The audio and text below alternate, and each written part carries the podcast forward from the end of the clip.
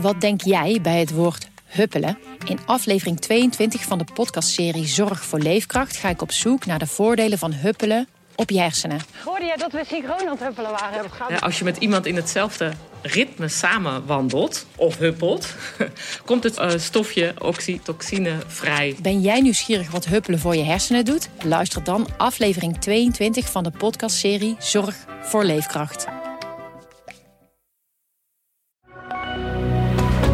Goedendag, dit is het nieuwsoverzicht van de Stentor. Schippers maken zich zorgen over locaties voor het lozen van giftige stoffen.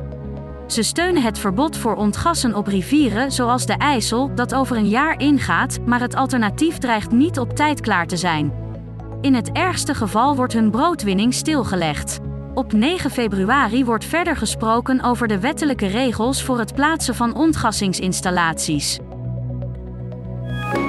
Alfred Schreuder is ontslagen als trainer van Ajax. Het bestuur heeft na de slechte reeks geen vertrouwen meer in een verdere samenwerking. Het gelijkspel tegen Volendam gisteravond was de zevende eredivisiewedstrijd op rij zonder zegen. Michael Reiziger neemt de taken van Schreuder voorlopig over. Tegen Jordi van Zet en Ralf ten H is een taakstraf en voorwaardelijke celstraf geëist vanwege een hennepkwekerij in een woning in Apeldoorn. De vondst was een toevalstreffer, want in de zoektocht naar een ander drugslab vond de politie plots 742 wietplanten op zolder. Vervolgens werd Van Zet tijdens een online meeting opgepakt. Zijn collega's dachten hierdoor dat hij werd ontvoerd. Ook raakte hij zijn baan kwijt.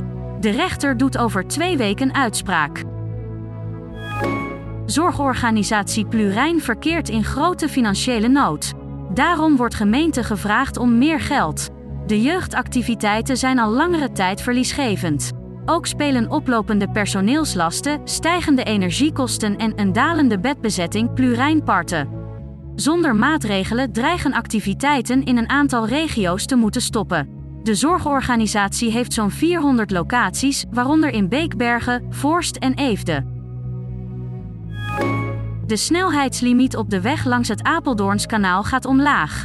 De verlaging van 80 naar 60 km per uur hing al even in de lucht.